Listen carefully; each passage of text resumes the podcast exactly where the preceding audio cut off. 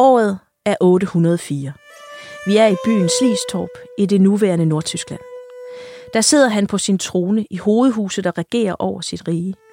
Den danske kong Godfred. En magtfuld hersker fra en tid før Gorm den Gamles kongerække, som formåede at modsætte sig ingen ringere end den frankiske kejser Karl den Store. Den frankiske lært Einhard beskriver Karl den Stores krig mod Danmark således. Den sidste krig, han førte, var den mod de normandere, som kaldes danere, og som først havde drevet sørøveri, og dernæst med en større flåde havde havet Galliens og Germaniens kyster. Deres konge Godfred var så oplæst af forfængeligt håb, at han ville have magten over hele Germanien. Også Friesland og Sachsen betragtede han blot som sine egne provinser. Sine naboer, abodritterne, havde han allerede lagt under sit herredømme og gjort dem skatskyldige. Han pralede også af, at han i løbet af kort tid ville komme helt til Aachen, hvor kejseren havde sit hof med en stor hær.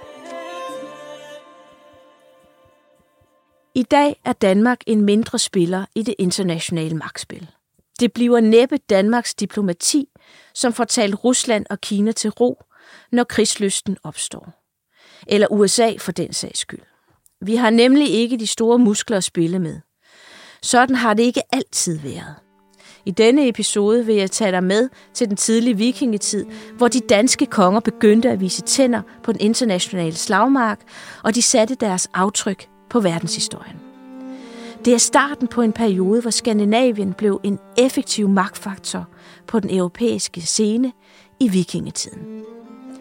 Arkeologiske fund fra det nordlige Tyskland viser, hvordan de danske konger i området udviklede store byer og ovenikøbet holdt det mægtige frankiske rige i skak. I dag vil jeg fortælle dig om en konge, som satte Danmark på verdenskortet. Om kong Godfred, en vikingekonge, som flyttede en hel by og grundlagde sit eget magtcentrum i Danmark og som ovenikøbet sejlede i krig mod selveste Karl den Store, den frankiske kejser med 200 skibe.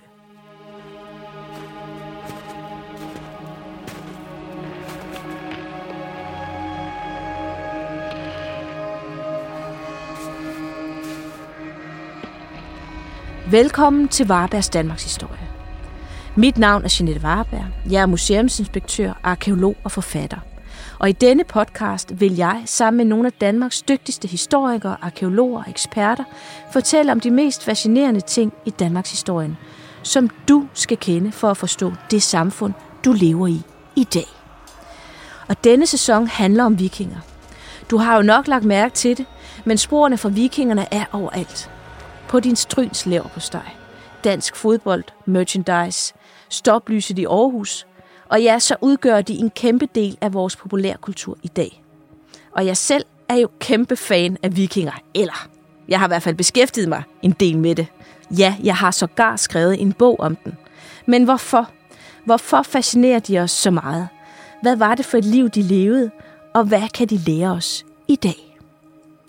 Det er spørgsmål, som jeg i denne sæson vil prøve at svare på med de vildeste vikinghistorier, jeg kan grave frem. Vi skal nemlig tilbage til en tid, som var fuld af eventyr, krige, venskaber og alliancer, som gik langt ud over landets grænser, og om banebrydende teknologier, som gjorde det hele muligt. Og derfor har jeg inviteret dig, Andreas Stobat, øh, også kaldt Minos blandt venner, så det, derfor vil jeg kalde dig det. Det må du gerne, du er min ven. tak, velkommen til. Tak. Du er arkeolog og lektor ved Aarhus Universitet, og så kender vi hinanden jo også lidt fra studietiden, selvom det er ved at være mange år siden. Ikke? Du var faktisk min øh, mentor, da jeg startede. Det er rigtigt. Ja. Det kommer... jeg havde så læst lidt inden der i Tyskland allerede. Men, ja, ja, du, men ja. du var min mentor, da jeg kom til Danmark som udviklingsstuderende. det var tider, du var i 90'erne. Det var hyggeligt.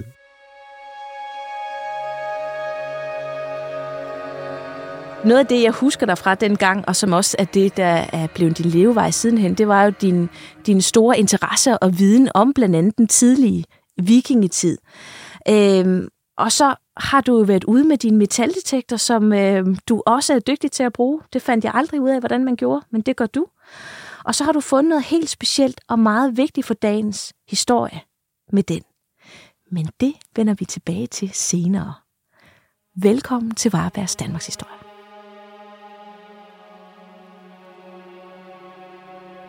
Da det nu meddeltes, at danerkongen Godfred med en hær var på vej ind i apodritternes land, det vil sige i øh, Nordtyskland, sendte han, Karl den Store, sin søn Karl til Elben med en kraftig styrke af franker og sakser, og med befaling at gøre modstand mod den afsindige konge, hvis han skulle gøre forsøg på at angribe saksisk område.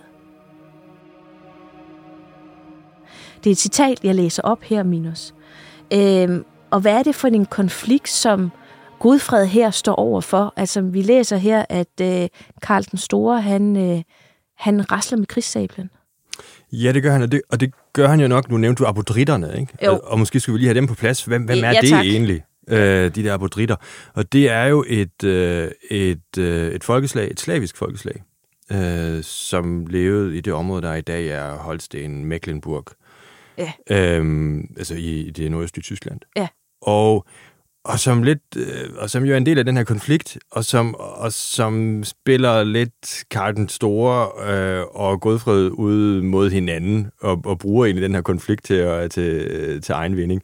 Ligesom i dag, øh, det handler det om at udvide, øh, udvide sin magtsfære og interessesfære, ikke? Og det gør, det gør Godfred jo både mod øst, altså mod obodritterne, og mod vest, mod, mod friserne. Og det er jo begge to også øh, Karl den Stores og det frankiske riges interessesfære, og derfor, derfor clasher de, øh, clasher de øh, med hinanden. Ikke? Men det som, det, som er baggrunden for det, og det er jo egentlig der, man skal starte, det er jo, at, at øh, i, i slutningen af, af 700-tallet og start 800-tallet, der er det frankiske rige og den mægtige Karl den Store, som er verdens hersker på det her tidspunkt, ikke andet, øh, er rykket helt tæt mod øh, de danske områder, og dermed de danske konger og Godfreds øh, interessesfære og magtområde. Ja. Og det er det, der er kernen i den her konflikt. Det er der, det, er der, det starter. Ikke? Det er faktisk helt klassisk øh, konfliktstof, vi har med at gøre med de her to. Ja. Ja, og på den måde kan man sige, så øh, selvom historien går, så er der mange ting, der ikke forandrer sig.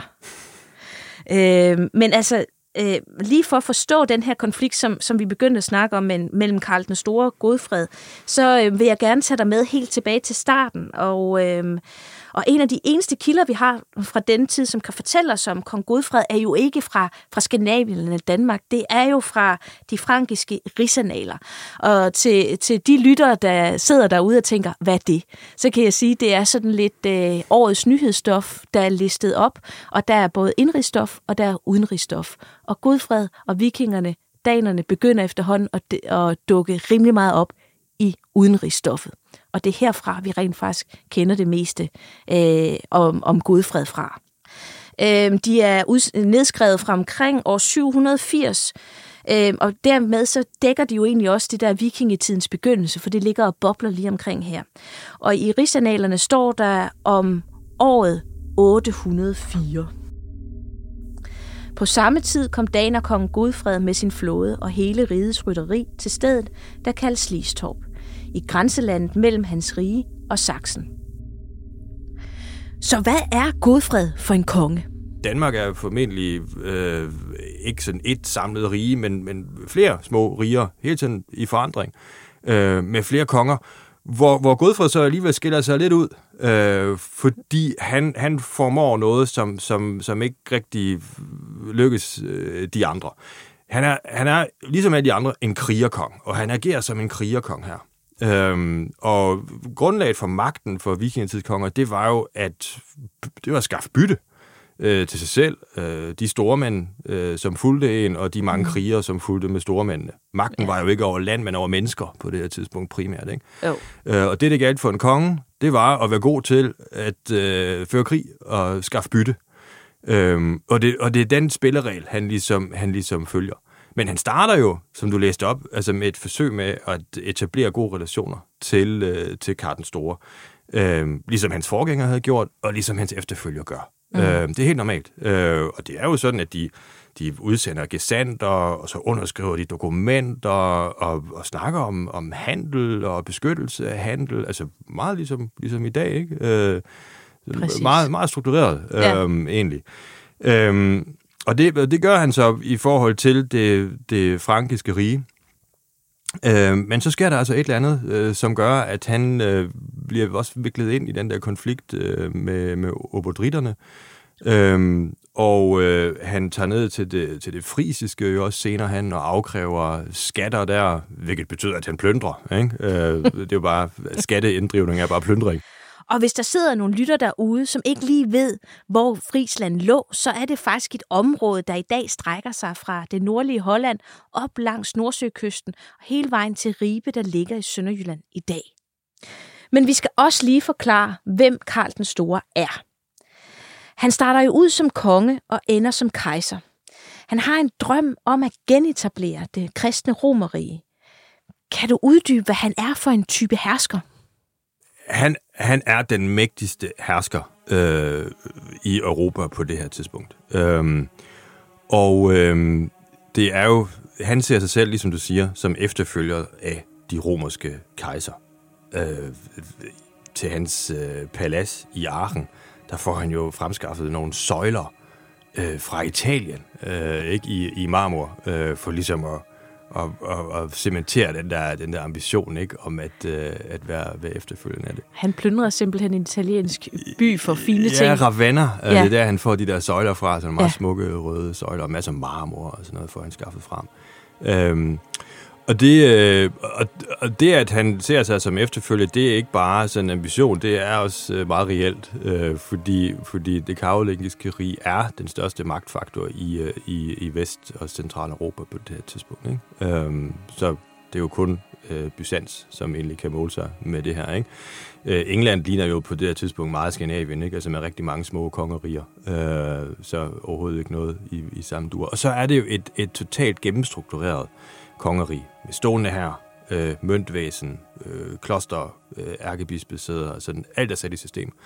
Øhm, og øh, hvis, øh, hvis de spiller med, muskler, øh, med, med, med musklerne, så, så danser øh, de fleste øh, omkring dem. Ikke? Øhm, og dog, de to vigtigste krige, han fører, det er jo mod øh, avarerne og mod sakserne. Og det er den der krig mod sakserne, altså det her område, der ligger i ja, det nuværende Niedersachsen, ikke? altså Nordtyskland, Nordvest, øh, Nordvesttyskland, sådan syd for Alpen, øh, ned til Weser, øh, det område, sådan geografisk. Øh, dem har han jo no, nogle kvaler med, med at nedkæmpe. Øh, og, øh, og, og mange af de, de øh, store mænd, øh, Vidukind blandt andet, er mm. en af de sådan, centrale skikkelser i de her kampe, øh, de, de har jo meget tætte relationer til den danske kongemagt. Øh, og de frankiske analer, som vi snakkede om før, de, de refererer faktisk til, at mange af de der saksiske øh, herrefører, de flygter øh, fra Karl den Store til, øh, til danskerne. Øh, så der er nogle politiske alliancer allerede. Og derfor ja. er det også meget naturligt, at øh, da sakserne så er underlagt øh, og indlemmet i øh, Karl den Stores øh, frankiske rige, øh, så etablerer man så de der diplomatiske forbindelser til efterfølgeren, altså til øh, Karl den Store. Ja.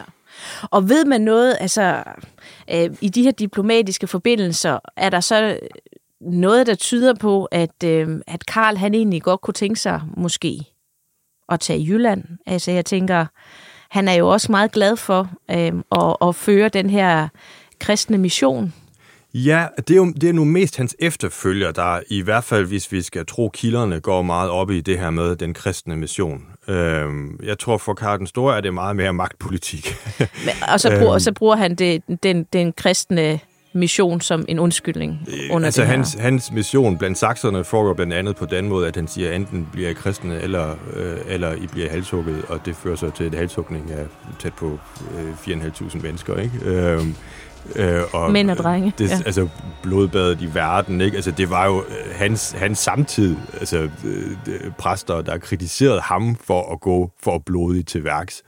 Øhm, så han var, han var bare en iskold magtpolitiker. Ellers ville han nok heller ikke have holdt sig på tronen i så lang tid, som han gjorde. Ikke? Øhm, ja, han regerer vel i 46 år eller sådan Og han har jo ikke, han har jo ikke, ja, men han har jo ikke brug for at underlemme, underlemme sig det, øh, det jyske område, tror jeg, fordi han er jo kejser, øh, og det er jo kongerne, der underkaster sig ham. Og han var også begyndt at blive en gammel mand, ikke? Er han det på et tidspunkt? Ja, ja. Det, ja det er han. Det er han, det er rigtigt. Altså, jeg er ked af at sige det, Minus, men, men når man er i 40'erne, og vi er i 800-tallet, så er man allerede er man gammel. rigtig gammel. Så når man når op i 60'erne, så burde man være død, ikke? Jo, og han har jo siddet sikkert på, på hesteryg øh, en stor del af sit liv, ikke? Fordi kongerne på, øh, dengang, og det gælder jo både Karl den Store, øh, men det gælder i særdeleshed Godfred også, altså de var jo øh, de var krigskonger, og de var med. Altså de sad ikke bare i et eller andet telt med et kort, øh, de var med ikke? Øh, på skibet Ja. øhm, og ind i kampen. Men, men, men hvad er det så? Altså, øh, vi har en, en, en træt gammel mand, der har ført krig i jeg ved ikke hvor mange år. Hvad er det så, Godfred gør, der gør ham så sur?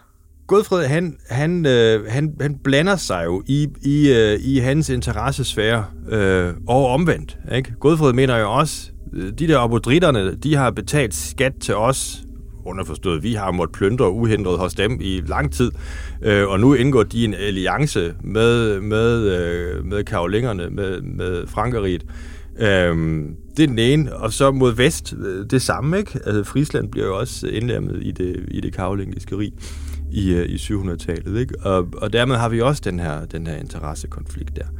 Øhm, og derfor ser vi det. Og så, og så har Godfred måske også gennemskuddet det der, at han har en fordel i og med, at han jo overhovedet ikke kan mønstre det samme styrke, men han har skibene. Han mm. har en flåde. Det er det, hans magt er baseret på. Øhm, og ham, øh, ham Karl den Store, han sidder fast på land. Øhm, og derfor agerer han sådan rimelig, rimelig frit inden for det her asymmetriske øh, krigs sådan spil.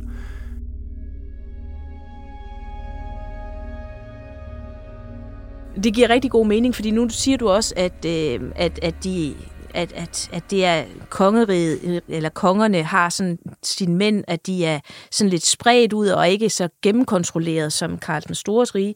Men der er jo også en form for, øh, hvis vi skal bruge et rigtig moderne øh, øh, ord inden for øh, virksomheder og, og så videre, det er jo agilitet det her med, at man kan flytte mange mennesker hurtigt og hurtigt omstille sig. Det er i virkeligheden også det, som, som den type asymmetrisk krig, du siger, at Gudfred han fører. Det er jo fordi, han har agile styrker. Han har ikke 2.000 mænd og rytteri osv., der skal flytte sig over øh, store områder.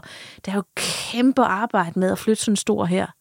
Hvorimod øh, få mænd på skibe, og der synes jeg også lige, vi skal omkring, altså det er jo omkring her, at vi begynder at se den, en rivende udvikling i den teknologi, der ligger forud for vikingetidens skibe, ikke sandt? Altså det er, han sidder med et, ny, et teknologisk nybrud, Ja. øh, Godfred. Jo.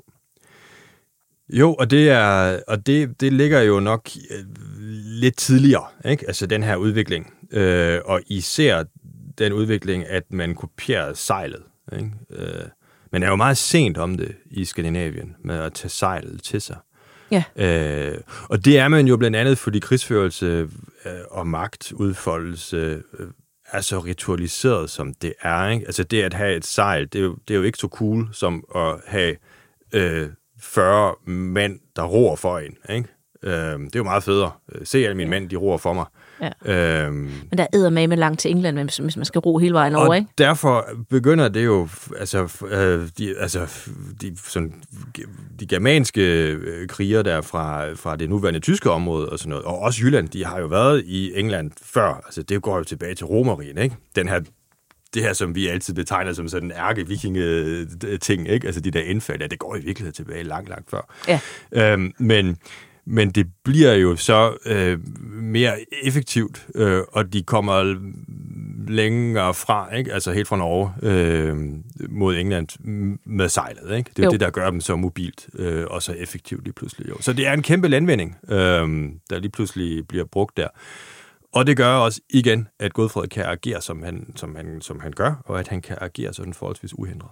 Så han har faktisk, kan man sige, et, øh, et ekstra kort på hånden, øh, som gør, at han alligevel måske i det her spil poker om magten, øh, ikke står så svagt, som han burde være på papiret. Ja.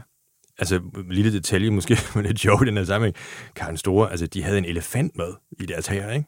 En elefant, øh, som man havde fået i gave af, af Harun al-Rashid, og så er det altså lidt svært at hamle op med, med, med Godfred og, og skibene. Ikke? Ja, og Harun al-Rashi, han sad nede i Bagdad, ikke? ja. Så og, var kalifen dernede, der sendte en gave, Ja, Og- jo.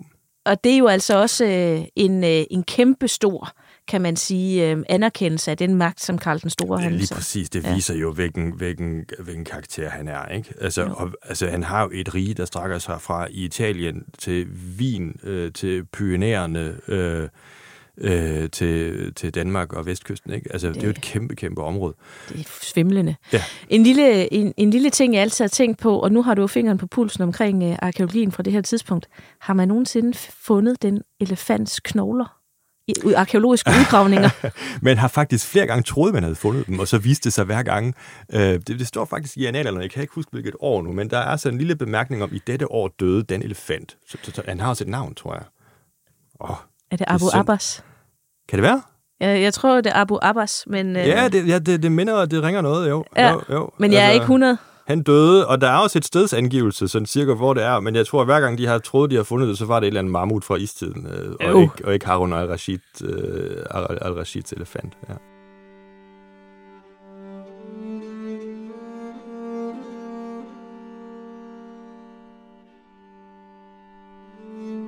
tilbage til, hvor vi slap i året 808. For nu skal vi tilbage til de frankiske rigsanaler. De er meget gode at have i den her øh, fortælling, fordi de riser meget godt den her kon- konflikt op. Øh, og så skal vi høre lidt mere om, hvad der sker med de her abodritter, som de slås om, Karl og Gudfred. Men da kongen i nogle dage med vagthold havde overvåget kysten, samt dertil stormet og erobret nogle slaviske borge, vendte han med store tab for sine tropper hjem. Hvad sker der egentlig her? Det er et godt spørgsmål. Øh, der må jeg altså ærligt indrømme, at jeg, at jeg også er lidt... Øh, øh, lidt på bar bund, øh, som vi nogle gange er med de her kilder, ikke? Jo. Øh, de her kilder, de er jo skrevet øh, på baggrund af andenhånds beretninger, ikke? Altså, øh, ham, det givetvis en ham, der skrev det her, han har jo aldrig været der, ikke? Øh, han fik det jo fortalt. Vi forestiller os, der sidder en munk på et kloster. Han sad givetvis i Aachen, øh, Ja. et sted i sit lille skrivekammer, ikke? Øh, måske var det Einhardt selv, øh, der, der, der skrev det her. Øh, så det, baggrunden for det er lidt, er lidt uklart. Men, men hvad er det, der sker? Altså, der, der, der sker jo det, at, at, at både Godfred og øh, de, øh, de frankiske øh, hersker, der kæmper om indflydelse i det område. Øhm, og abodritterne er jo, er jo lidt interessant, fordi de jo spiller en rolle, ikke bare her, men også langt senere hen. Det er jo ah, Blåtand for eksempel. Ja. Han er gift med en, med en prinsesse øh, af abodritterkongen Mistivoj, øh, Tove. Mm. Øhm, så de der, de der politiske relationer, øh, fordi det er jo det, det er. Du indgår ikke ægteskab, hvis ikke det er nødvendigt for at udfylde et eller politisk øh, mål på det kærlighed, det, tidspunkt, var noget, man fandt med friller og, og, og, og unge mænd. Ja, sikkert. Ja. Så, så der, var, der var, har altid været nogle relationer af forskellig art. Ikke? Og nogle gange var de her relationer, udmyndtet de sig i, øh, i, øh, i plyndringer og vold, som det her. ikke? Øh, og, og andre gange så indgik man alliancer. Ja. Øh, og det er jo begge ting sker her jo. Vi har jo også to konkurrerende øh, sådan magthaver i de, øh, i de øh, øh, i det obodritiske. Øh, to familier, hvor den ene, de kaster deres lod i, i hatten hos øh, frankerne, og den anden øh, satser på Godfred. Ja. Øh, og, Så- så, og, dem- og søger egentlig efter, at den ene eller den anden hjælper dem og støtter dem på tronen, ikke? Øh, Jo, på og så- magten. Og hvis der er nogen lytter derude, der sidder og har set Game of Thrones, som jeg har, jeg ved ikke, om du har set det? Nej, det har jeg faktisk ikke. Nej, men øhm, der øhm, er der jo en forfatter, der i den grad har lånt fra øhm, tidlig middelalders rænkespil. Fordi det er jo virkeligheden, altså det er jo et magtspil, det her refererer til, og vi ser kun konturerne af et magtspil. Ja. Og det, og det er et meget dynamisk politisk øh, sådan, øh, konstruktion, vi har med at gøre. Ikke? Altså Jo. både hos abodritterne og i det skandinaviske. Men det ender jo med, at øh, Godfred han må trække snuden til sig lidt her. Ja, øh, det gør han.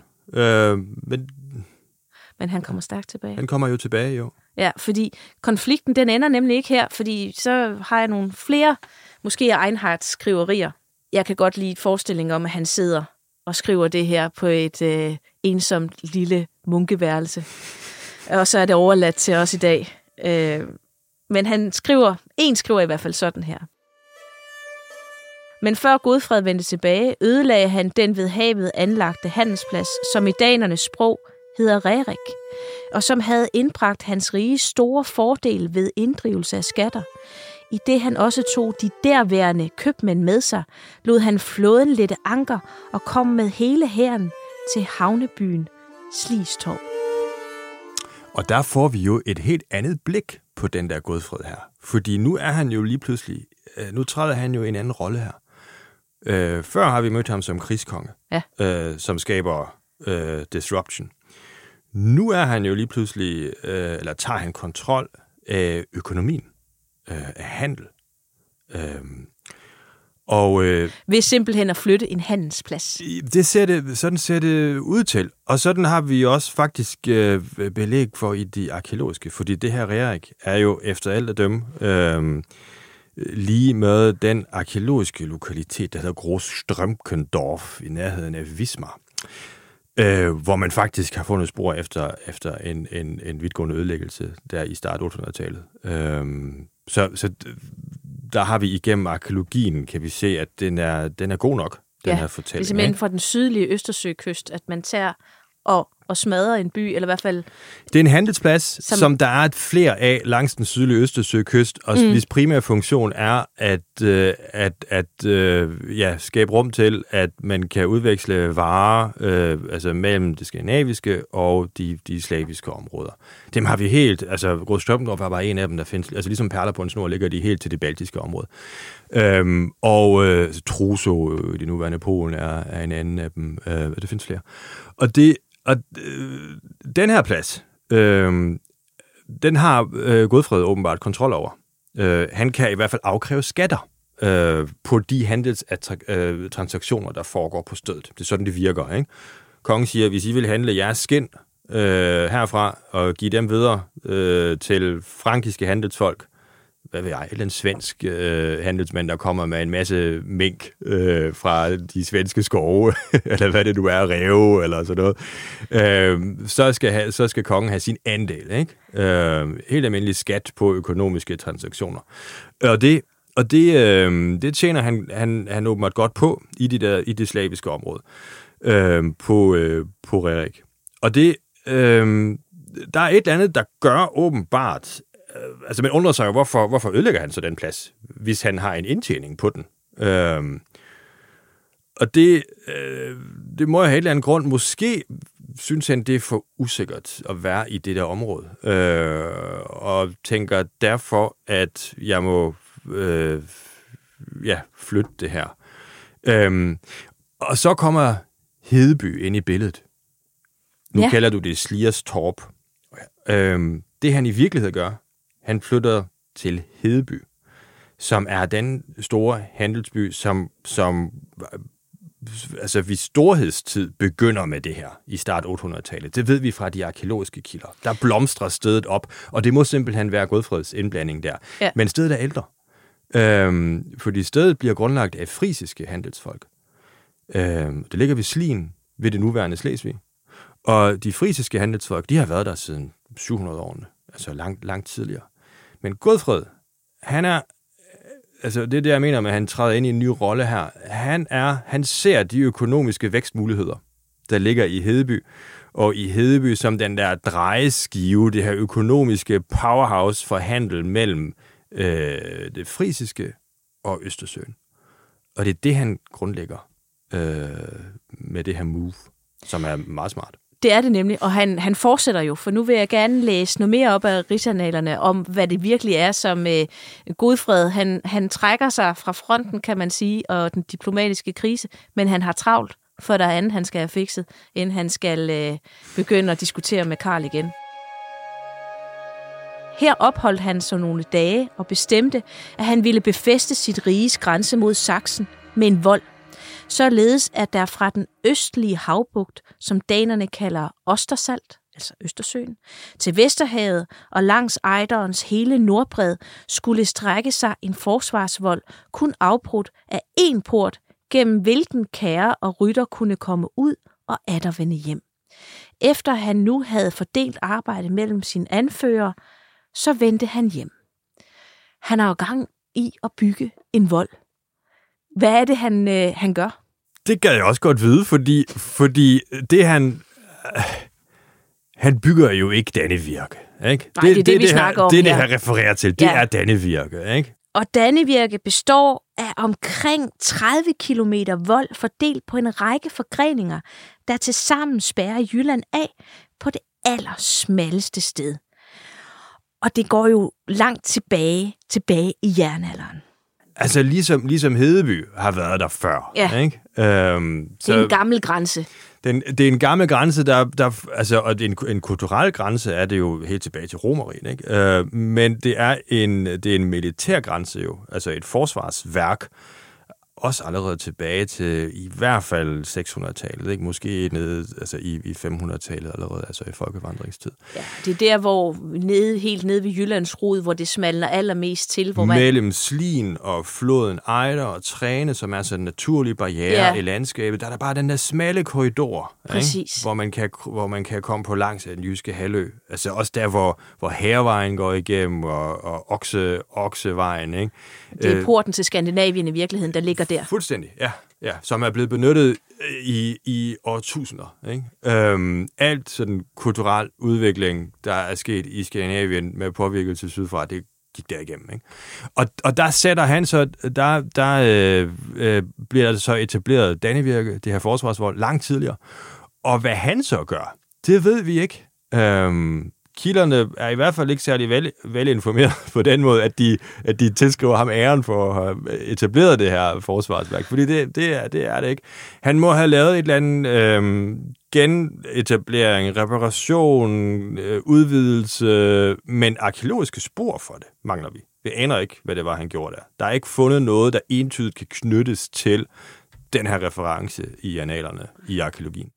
Men, Men- der, men er ikke sådan, mig- der er ikke et smoking gun, vel? Altså, Nej, han har ikke der rigtig lagt øh, et, et, et svær under muren, hvor der står Godfred med Rona, eller sådan et eller andet lækkert, vi kunne bruge, vel? Nej, nej, og det virker jo også til, ligesom, ligesom det meste af Dannevirke, at det er opført under en akut øh, trussel, ikke? Altså, det er jo, det er jo et trusselscenarie her.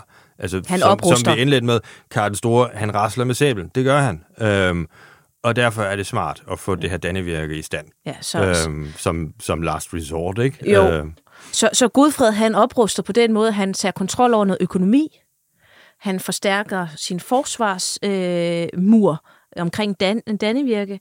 Når, når han gør det her, så er det vel for også at beskytte hele det område, hvor vi mener, vi mener vel, at Godfred, han op, og, at han ligesom øh, selv opholdt sig omkring Hedeby og Slistorp og hele det kompleks og Dannevirke, han opbygger. Ja, jeg tror ikke, det, at, jeg tror ikke at, at det var der, han, han ligesom havde sit primære tilholdssted. Øh, Det, det tror jeg ikke. Altså, det var grænseegen, og han var nok, han sad nok et eller andet sted.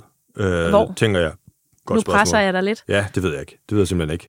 De der, de der herrekonger, øh, krigskonger, øh, de, de havde jo ikke nødvendigvis behov for at have sådan et fest territorie eller sådan noget. Altså, de, øh, de havde magt over mennesker, øh, og når de var succesfulde, så, øh, så flokkedes øh, krigerne omkring dem. Men Godfred er specielt, fordi han også kører det der økonomiske spil, og måske Måske udbygger han Dannevirke også for at sikre sine økonomiske interesser. Det kan også være, at det har noget med det at gøre. Det er der faktisk også noget, der tyder på, fordi øh, i 800, hvor, hvornår er det, 15 tror jeg, lidt senere i hvert fald, der hører vi jo i de frankiske kanaler om, om øh, den der gloomy, som er sådan en, en, øh, en særlig titel, øh, han, som, som grænsebeskytteren. Aha. Øhm, gloomy. Gloomy hedder han. Og han er givetvis, det står der ikke, men jeg tænker, at han er blevet indsat af Godfred. Øhm, og det tyder jo også på, at han ligesom prøver at ændre det her dannevirke til noget, der er af vare i karakter. Ikke? Hvis han indsætter en, der har ansvar for at passe på det her anlæg og passe på grænsen. Ja. Øhm, og øhm, så han, han, han er på den måde er han øh, nyskabende, ikke? Altså at han at han får en fod ind i det der økonomiske og ser sin sin øh, sin indtjeningsmuligheder der. Ja, og det er måske også derfor, at øh, Øhm, i starten der indledte jeg med et citat fra Einhard, der skriver Karl den Stores biografi, en af dem. Øhm, og han, øh, han beskriver egentlig ikke Godfred i så venlige vendinger. Måske fordi han begynder at være lidt for, for magtintrigant og begynder at spille med musklerne på en måde, så man skal holde alvorligt øje med ham. Han ligefrem pralede med, at han snart ville ankomme med en stor hær for en Aachen, hvor kongen holdt hof. Selvom de var forfængelige, blev hans ord ikke anset som helt useriøse. For man troede på, at han måske ville våge noget lignende, indtil en for tidlig død forhindrede ham i dette. For han blev dræbt af en af sine egne, og både hans liv og hans planlagte krig kom til en ende.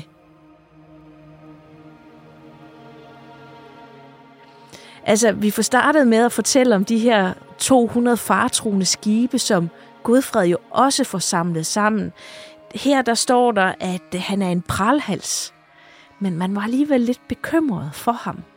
Men så på falderæbet lige før triumfen, hvor han kunne have plyndret Aachen og ændret verdenshistoriens gang, så bliver han myrdet af en af sine egne. Dammit. Sådan ser det i hvert fald ud i kilderne, ja. Og det er jo sådan, at øh, altså bare 50 år senere, altså så står de jo og plyndrer i Paris, ikke? Jo, øhm, det gør de. Så, øh, så det er jo ikke, og de sejler jo op, og, også op ad Rhinen, ikke? Øhm, Hamburg bliver ødelagt. Øh, Hamburg er altså ikke meget end et par huse og en lille kirke på det tidspunkt, ikke? Men, Nå, jo. men, men, men de er der. Altså, de kan ja. mønstre de der store styrker, og de har, de har øh, nok øh, sådan øh, redneck-attitude til bare at sejle igennem de der floder der, langt ja. ind i landet, ikke? Altså, og bare, bare køre på. Og smadre igennem, ikke? Ja, det, det, gør de. Og så, så på den måde, øh, så øh, om, han, om han kunne have gjort det eller ej, det, det, det ved jeg ikke. Øh, samtidig øh, vurdering, at... at om han kunne have gjort det eller ej, der mener du, at det var tvivlsomt, om han kunne, kunne øh, plyndre hovedstaden? Det, det tænker jeg. I altså, det mægtigste rige Europa på det her tidspunkt? Det er det. På den anden side, så, så, så bliver det jo gang på gang fanget på, på, øh, på det forkerte ben. Ikke? Øhm, Især når det skibe. Lige præcis. Igen der, det der asymmetriske krigsførsel, ikke? som virkelig gør sig gældende her. Ja. Øhm, men de vigtigste krige, som bliver tilskrevet Karl den Store, det er Saxerkrigen og det er Avarkrigen. Ikke? Øh, det er jo det, som Einhard fremhæver som sådan de store bedrifter, og der hvor virkelig han, han, skulle, han, skulle, øh, han skulle bide til, øh, Karl den Store. Ikke? Øh, og Godfred, det det er så hans sidste krig. Øh, ja, det giver sig selv. Ja, øh, men men altså, bare i forhold til at sætte det lidt i, lidt, lidt i perspektiv, hvor den samtidig så på Godfreds, på trusselscenariet her, ikke? Øhm, og, og, og det der trusselscenarie, det kommer så primært af den asymmetriske krigsførelse. Jeg tror aldrig, det vil være kommet en, en ændring af, den, af, af Danmarks historie, en ændring af verdenshistorien, fordi øh, det gik på at plyndre. Det gik jo ikke ud på at erobre territorier. Det var ikke det, der var mening. De var jo ikke i Paris for at, for at blive hersker over Frankrig. Altså, de var der for at få komme hjem med en masse sølv og tingetankel og kunne fortælle en god historie derhjemme ved, ved, ved bålet. Ikke? Øh. Men samtidig kan man jo også sige, at, øh, at det, at, at Godfred er så offensiv, som han er, øh, og, og egentlig går ud og, tru, og truer faktisk med mere, end han egentlig kan mønstre, hvis du forstår, hvad jeg mener. Altså han, han skaber et større trusselbillede, at han måske egentlig kan stå ved.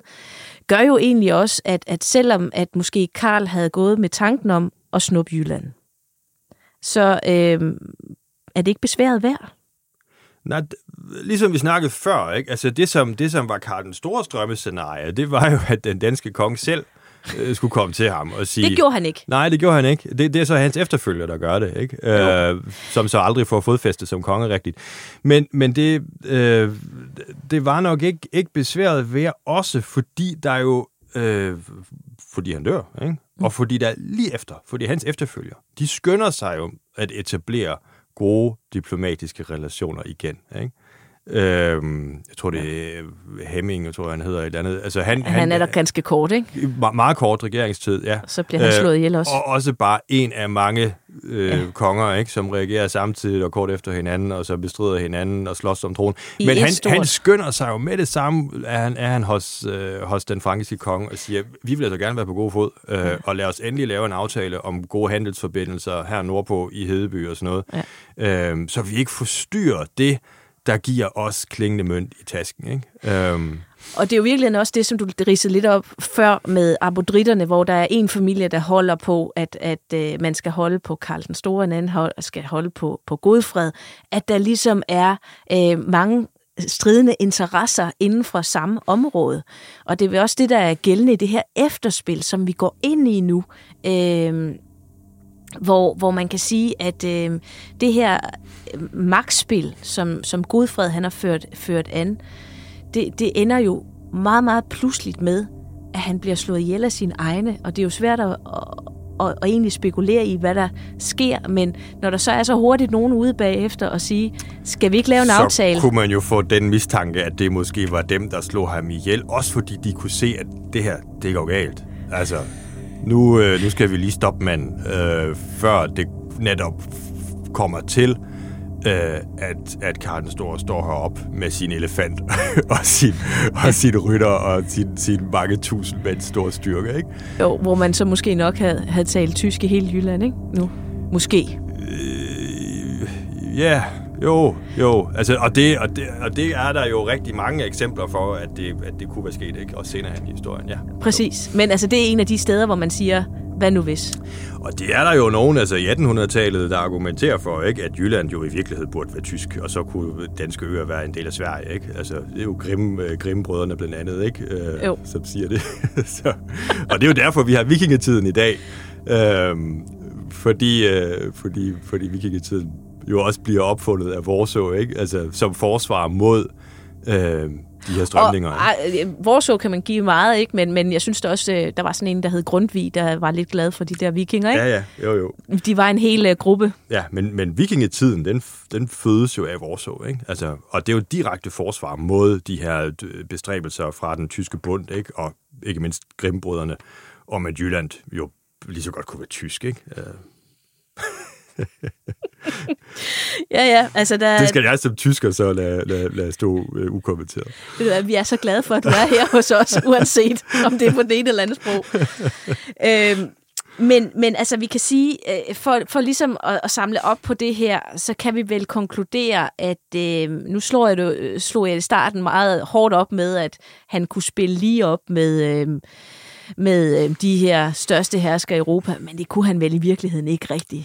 Jamen, det, nej, det kunne han i virkeligheden ikke, og grunden til, at han, at han kan det ifølge kilderne, altså at han er en, som de tager seriøst ned i Aachen og i Paderborn og i Engelheim, øh, det er, fordi han, øh, han er en disruptor i kraft af den der asymmetriske krigsførelse, som han, som han fører. Ikke? Ja.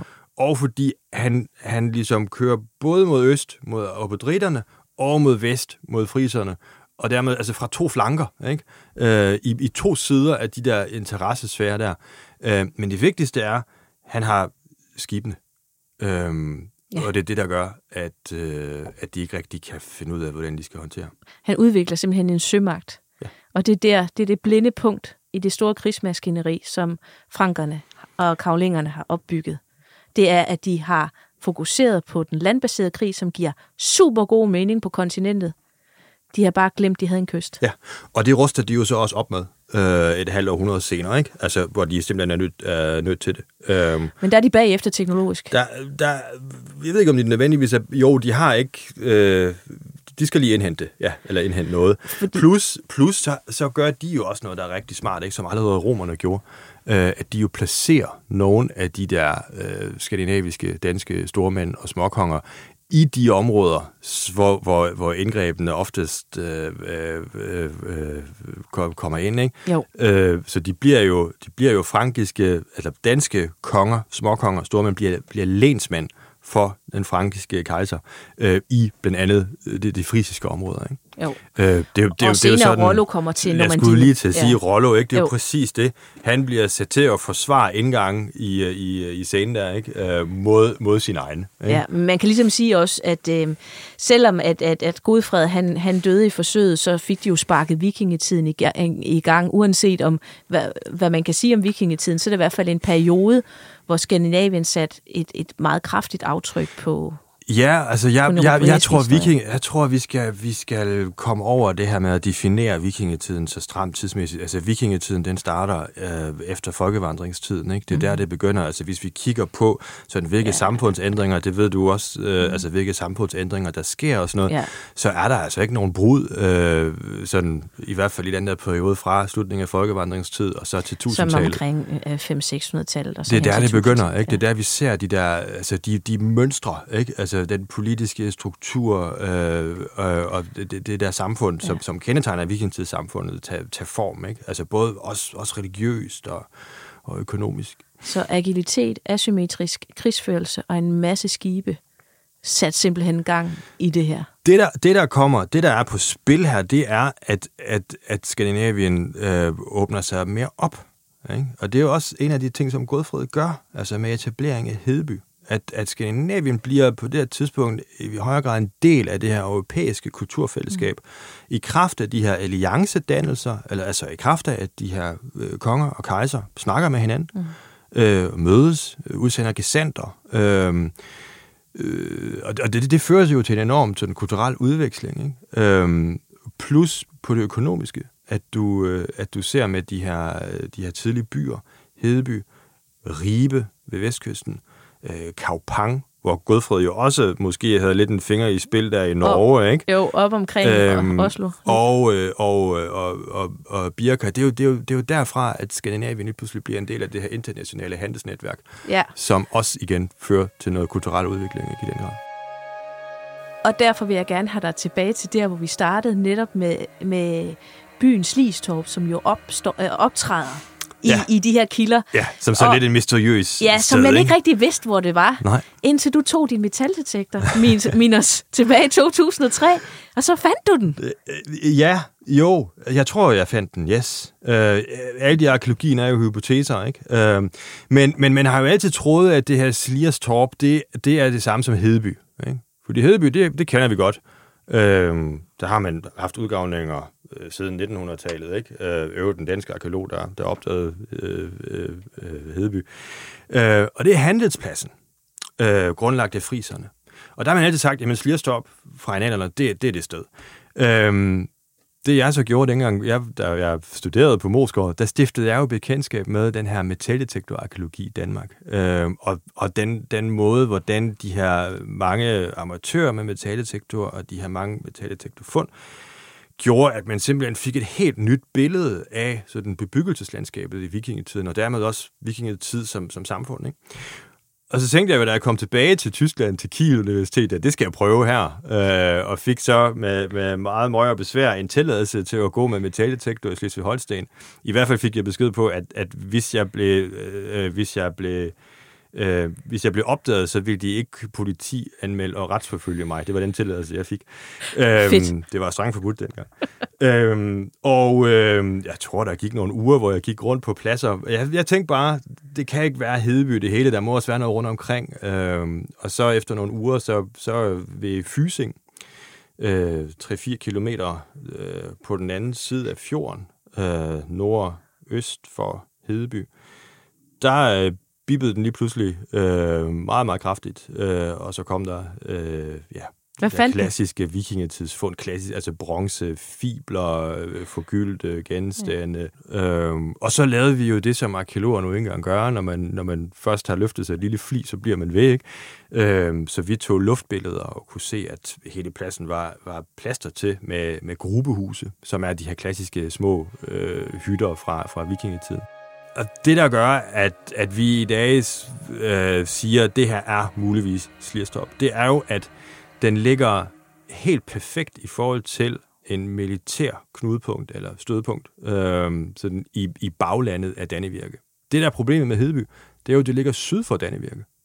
Og det skal den gøre, hvis den skal fungere som handelsplads øh, for ja. folk fra rigtig mange forskellige kulturer. Ikke? Der ligger den ah. fint syd for øh, grænsen, ikke? i sådan et neutralt område.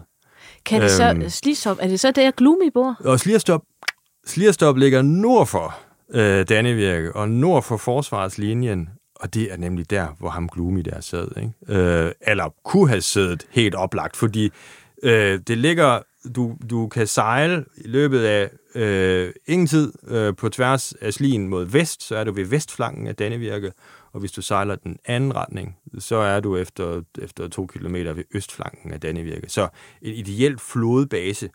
Så det her med at gå med metaldetektor, det er jo sådan en arkeologisk metode, som, som bare har vist sig at give rigtig mange fund inden for de sidste, øh, sidste 20 år. Altså mine kollegaer her på Nationalmuseet, de øh, er jo år bagud for alle de øh, amatører, som går derude på markederne med metaldetektor og finder alle de her fund Øhm, hvad betyder det for dig som, som arkeolog, der lige præcis forsker i det her, at, at der lige pludselig er så stort et fundmateriale? Jamen, det har jo betydet helt enormt meget, ikke? og det betyder jo noget på rigtig mange tangenter. Altså i forhold til forskning i vikingetid, så har de her mange fund, og det er jo, det er jo, det er jo primært de her mange fundpladser, nye fundpladser, som er opdaget øh, ved, ved hjælp af detektor som har givet os et helt nyt øh, billede af vikingetiden. Altså det er jo øh, helt, øh, helt ikoniske lokaliteter. Gudme, Lundeborg, Tisø, Lejre. Dem har vi jo alle sammen fået syn for øh, ved hjælp af metaldetektoren. Ikke? Hvis vi kiggede i, i bøgerne skrevet i 70'erne og let efter vikingetids bopladser, jamen så var der Tralleborg, og så var der måske øh, to-tre andre lokaliteter, som man havde gravet på det tidspunkt. Øh, et eller andet bunde landsby et eller andet sted i Jylland. I dag så ligger der jo en vikingetids boplads øh, hver fjerde, femte kilometer, altså langs kysten af hele den danske kyst. Ikke? Altså, jo. de er jo over det hele. Der er tusindvis af lokaliteter Så man kan, man kan sige, at det vi har brugt rigtig meget tid af programmet på her, det er jo at, at nævne de her skriftlige kilder, hvad de har skrevet ned om Godfred. Vi får nogle personer på. Men i virkeligheden, så er det jo der, hvor, hvor videnskaben og arkeologien rykker. Det er jo det, det store fundmateriale, der hele tiden kommer ind, og den nye forskning, der sker derude. Det er jo det der det sjove ved at være arkeolog, ikke? Altså, at man skaber sine egne kilder. Uh, jeg, jeg tror også, det er sjovt at være historiker. Jeg tror ikke, vi skal være anfærd. Og, og, og, og historikere får jo også noget nyt af de gamle kilder ved at læse dem med nye briller på. Ikke? Men det, er jo, det fede ved arkeologi er jo, at vi skaber vores egne kilder. Vi kan hele tiden få til. Ikke? Vi skriver uh, historien om. Uh, on the fly, ikke? Altså, ja. og, øh, eller at the trowel's edge, som, som vi arkeologer siger, ikke? Jo. Øh, når vi er derude. Og, det, og, og, og, og den måde, som, som, som vi jo har, mener vi i hvert fald, løftet det her metaldetektor-arkeologi til et nyt niveau, det må vi snakke en anden gang, øh, Jeanette, men det er jo, det er jo vores Dime-platform, ikke? Jo. Øh, hvor, hvor, hvor, hvor museerne og alle os andre kan være med, hvor den Danmarks historien bliver skrevet ude i marken, ikke? Altså, fordi alle fund kommer ind i det her digitale system og kan ses af alle, ikke? Jo. I hvert fald fundene, ikke fundpladserne, øh, og hvor de på den måde kan indgå i den her forskning og historisk skrivning, som vi har gang i hele tiden. Ikke? Jo. Og lige præcis på den bemærkning, så kan man jo så konkludere, at det er bare sjovere at være arkeolog. Minus Andreas Dobat, lektor øh, og arkeolog øh, ved Aarhus Universitet. Tusind tak, fordi du tog dig tid til at komme forbi mit øh, ydmyge studie her i dag. Det var sjovt og hyggeligt. Det var en fornøjelse.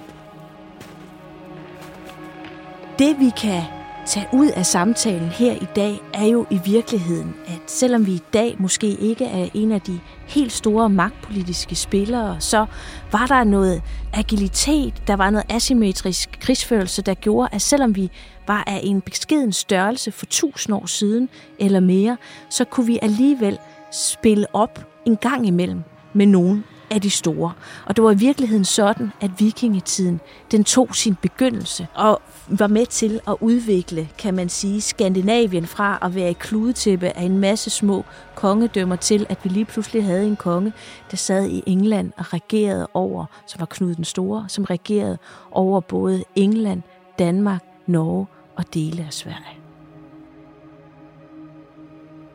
Mit navn er Jeanette Warberg, og du har lyttet til Warbergs Danmarks Historie. Produceret af Jul og Brunse for Vores Tid og 24-7. Tilrettelagt og produceret af Luna Lam og Nikolaj Sørensen. Redaktør er Lukas Francis Klaver. Og en særlig tak til Andras Stobat blandt venner minus.